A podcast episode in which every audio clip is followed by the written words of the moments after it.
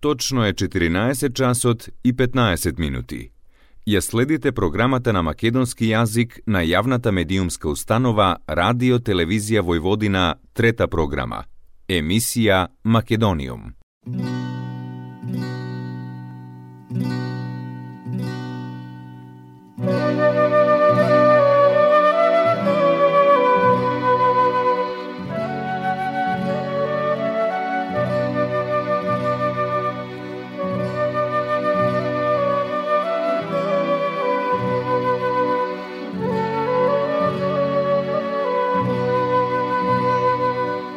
Добар ден и добре дојдовте во најновото издание на емисијата Македониум. Со вас, почитувани слушатели, е вашиот уредник и водител Јулијана Милутиновиќ, секоја среда со почеток во 14 часот и 15 минути на фреквенцијата на третата програма на радиото при Радио Телевизија Војводина, Радио Нови Сад. Македониум Во денешното издание на емисијата Македониум зборуваме со господинот Васо Ристов, директор на Македонската национална опера и балет, со кој што позборувавме за се она што се случува во операта, за отворен Балкан, што е инспиративно да се биде директор и за македонската музика се разбира.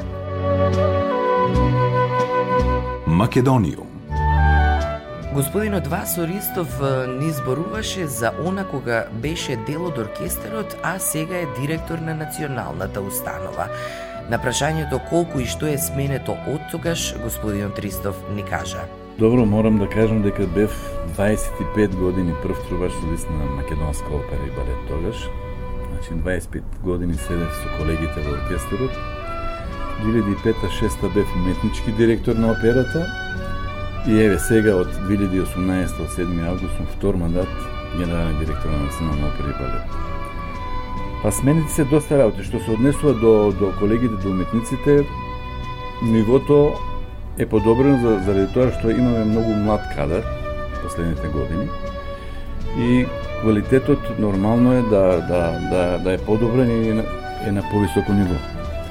Тоа се покажи со сегашното наше гостување во Белград со Севилскиот Берберни, каде што оркестарот беше изнавреден, прекрасен, хорот исто така и солистите. А, картите беа продадени уште пред месец ден, на голем интерес. Публиката аплодираше со долги аплаузи, да не кажам урлање, викање браво, беше воодушевена од нашето гостување и посебно, посебно ми е драго дека се представивме на највисоко можење во Белград. Инаку како институција може би е добро да споменам кога дојдов затекнав многу проблеми во институцијата. А сите проблеми доаѓаат и во секоја фамилија, и во секоја институција парите. Ако се нема пари, нели, има кафи, има расправи, има проблеми. Не може да се решат проблемите.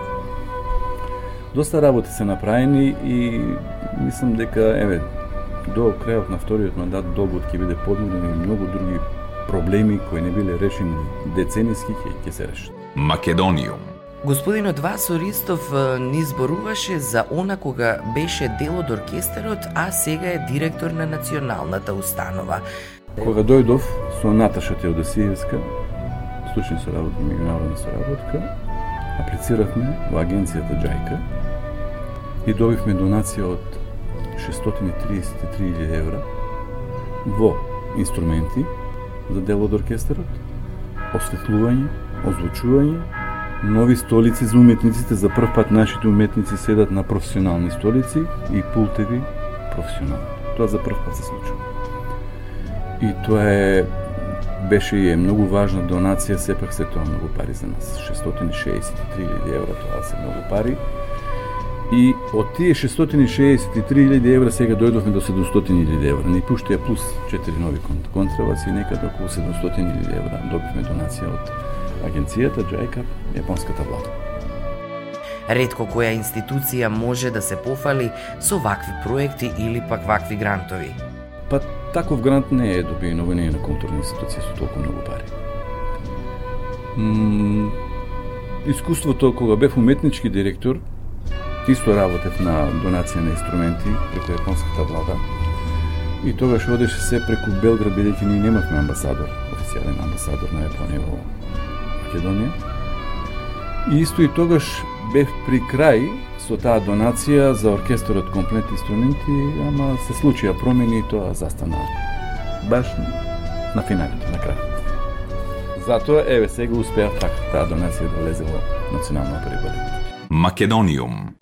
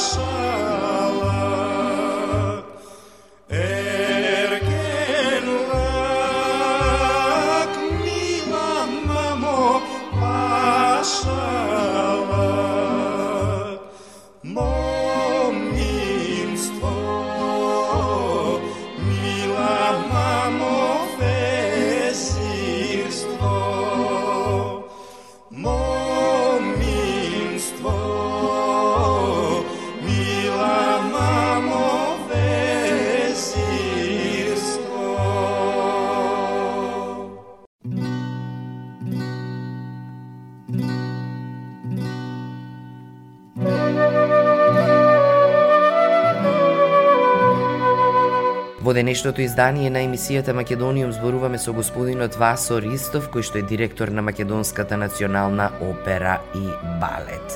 На прашањето колку е подобро или полесно да се биде продекан и професор на факултет, отколку одговорноста да се биде директор на ваква институција, господинот Васо Ристов ни кажа. Неспоредливо е. Значи, таму како професор и продекан на факултетот, продекан за настава на факултетот за музичка уметност, имав работа со 50 на вработени професори и многу студенти, околу 450 студенти. Овде како директор имам околу 500 вработени и 30.000 квадрати објект. Значи не споредливо. И таму бев по цел ден на, цел ден на работа и овде сум по цел ден на работа. Тежината не може да се спореди. Овде е многу поголема одговорност. Таму бев како продекан за настава, одговарав за програмата за студентите. Овде одговарам за 500 вработени скоро и за објект од 30.000 квадрати. Од било кој аспект. Значи таму само како продекан за настава, без никаква добирна точка со подпишување со финанси, а овде буквално од секој аспект. Се што се случува во институцијата, последниот збор морам да го кажам јас. Македониум колку е инспиративно да се биде директор во Македонската опера и балет и колку е инспиративно да се работи со студенти од друга страна. Овде прифатив да бидам директор заради тоа што кога бев 2005-2006 уметнички директор на операта ми остана некои работи кои имав замислено недовршени. А, прифатив да бидам директор од тие причини тоа што сакав да го реализирам, тогаш не успев да го реализирам. Сега како директор успев да го реализирам. Мислам дека доста помогна за самата институција да се врати во нормала, како национална опера и балет, бидејќи стварно имаше многу проблеми. Немало вработување за овие 4 години, јас успеав да вработам околу 120 луѓе, уметници и помошно технички кадар, сценска техника и се што е потребно за институцијата. И тоа не е мала бројка ги наместивме коцките до некаде. Има уште проблеми, ама сега е веќе се полесно. А што се однесува до факултетот, тамо е знаете како работа со, со студенти е бенефит. Учиш, образуваш кадар за да утре дојдат во Национална опера и балет или во филхармонија. И сите тие вработувања, се што е примено уметници, се дојдени од факултетот за музичка уметност. Тоа се се наши студенти. Еве, например, доле во оркестрот се мои студенти. Конкретно трубачите се мои студенти. Има кај мене завршили средно и факултет и магистратура. Повеќе се со факултет и магистратура. Тоа, тоа се мои студенти. Македониум На прашањето колку е отворен Балкан важен за националната опера и балет со гостувањето со Севилски Берберин со операта и во мај месец балетот гостува со госпогиците од Авиньон, господинот Васо Ристов ни кажа. Крајот на септември кога бев во Белград кога подпишував меморандум за соработка со трите институции, најголеми културни институции од Србија, Албанија и Македонија, и јас како директор на Национална опера и балет, Светеслав Гонсич Буле, управник на Народно позориште во Белград и Абигела Воштина, Воштина директор на Театарот за опера и балет во Тирана. Го подпишавме тој меморандум и некако ни тргна одма работата со Белград. Пуштивме наш оперски студист, гостуваше во Белград. На 21 декември ни гостуваше балетот од Народно позориште овде, кај нас, со нашиот оркестар нашето гостување со Севилски Бербени, комплет наша екипа, солистичка хор, оркестар, нели? Така? И сега а, на 7 мај имаме гостување со господиците од Авиньон, исто во Народно позориште во Белград. Останува соработката со Тирана. За отварање на мајски априлски вечери сакам да ги поканам директорите, Народно позориште од Белград и директорката од Тирана на операта и балетот. Да се договориме за еден заеднички проект со кој веќе разговарав јас со управникот од Народно позориште Белград, па и со директорката од Тирана. на пример, една Кармина Бурана да ја поставиме овде кај нас заеднички. Што значи тоа? Пример, да се договориме. Нашиот оркестар да свири, балетот да дојде од Тирана, а хорот да дојде од Белград. И мислам дека тој проект ќе ќе ќе направи бум на Балканот. Кармина Борана е многу позната од Харлов. И е прекрасна кантата, позната многу. Мислам дека знае и секој обичен граѓанин кој не се занимава со музика. И останува тоа да го договориме да видиме за кој период. Дали за од септември до крајот на декември, треба да се договориме да го реализираме тоа. И се договараме. Тој отворен Балкан е многу добра работа за нас како институции, конкретно на трите институции, со размена на диригенти, солисти, оперски солисти, балетски солисти, сценографија, костимографија, едноставно се што ќе имаме потреба и ние како институција, дали и Белград и, и Тирана, да се помагаме до себе. Македониум Дали е планирано гостување во Нови Сад и дали има нешто што не интересира на таа тема, тој ни рече. Пред известно време таму се случи се случија промени во раководството во Нови Сад, Српско народно позориште, така ли потешно се вика. Од управник до уметнички директор на операта, на балетот и и таа управа сакаше да подпишеме меморандум за соработка, беа заинтересирани. Сега ќе се случи со новата управа, со новиот управник, управник и со новиот директор на операта. Сака да дојдат овде, за да се видиме, да се договориме и да подпишеме меморандум за соработка. И тоа ќе го направиме, зашто да не? Ние во Нови Сад како институција, јас паметам дека сме биле во времето на Југославија и бевме сместени Фршка горе во некој хотел, имавме гостување. Не можам да сетам дали беше тоа со Аида или не знам, не знам која представа беше. Одамна е тоа, 86-7 година. И од тогаш ние не сме гостувале. Не знам дека сме гостувале во Нови Сад. И таа соработка јас сум заинтересиран и ќе подпишуваме меморандум и мора да се договориме за некој гостување исто. Во продолжение ние зборувавме и за македонска музика и за македонска песна. Кога господинот Ристов би одбрал која песна е особено драга за него, тој ни кажа која би ја одбрал. Зајди, зајди, јасно ле сонце. Знам дека е тешко прашањето да се одбере. Тешко е прашањето заради тоа што имам пребогат фолклор. Ние сме многу богата држава со наш македонски фолклор. Затоа е тешко да се одбере која песна. Ама еве едно од тие многобројните преубави наши песни е ова. Македониум.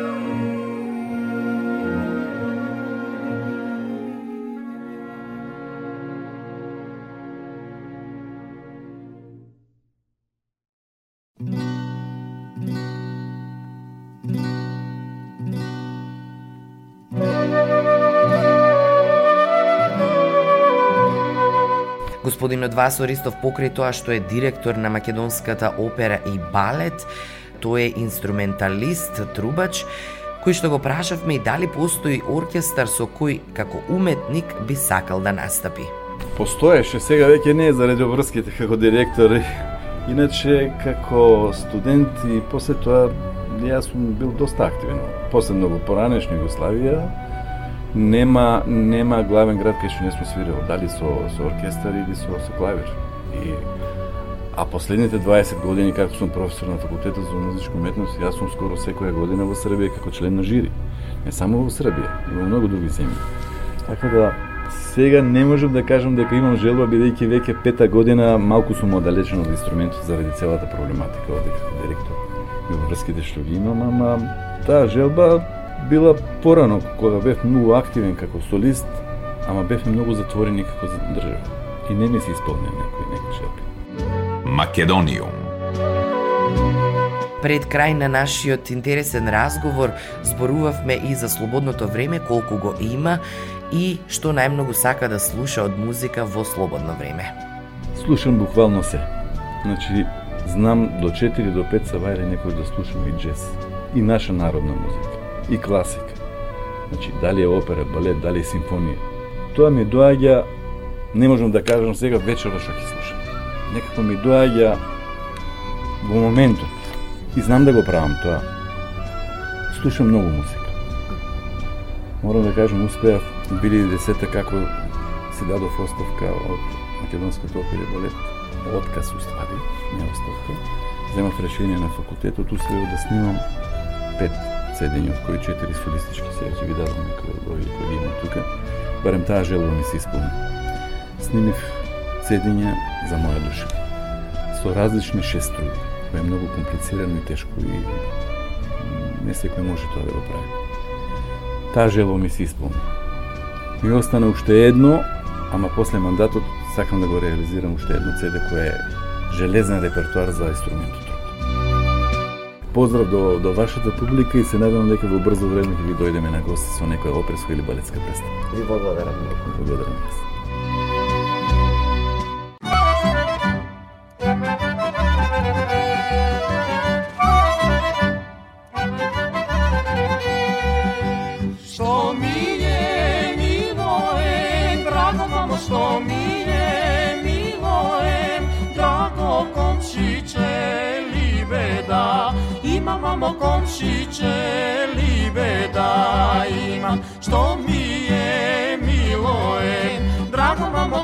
komšiće libe da imam.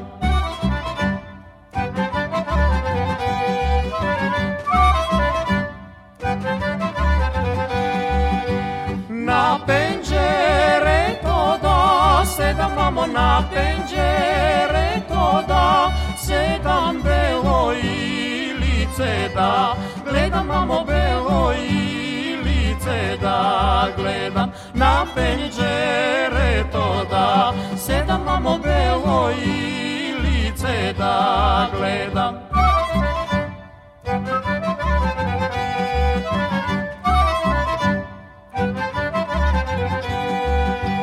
Belo i lice da ljubav mamo belo i lice da ljubam rusa i kosada Mrsa mamo tenka i snaga da kršam Rusa i kosada Mrsa mamo tenka i snaga da kršam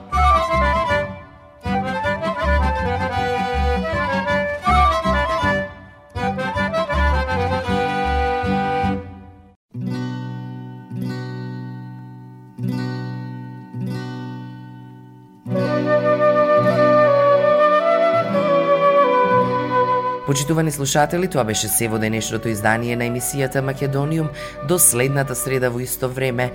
Голем поздрав од вашиот уредник и водител Јулијана Милутиновиќ. Ја следевте програмата на македонски јазик, емисија Македониум.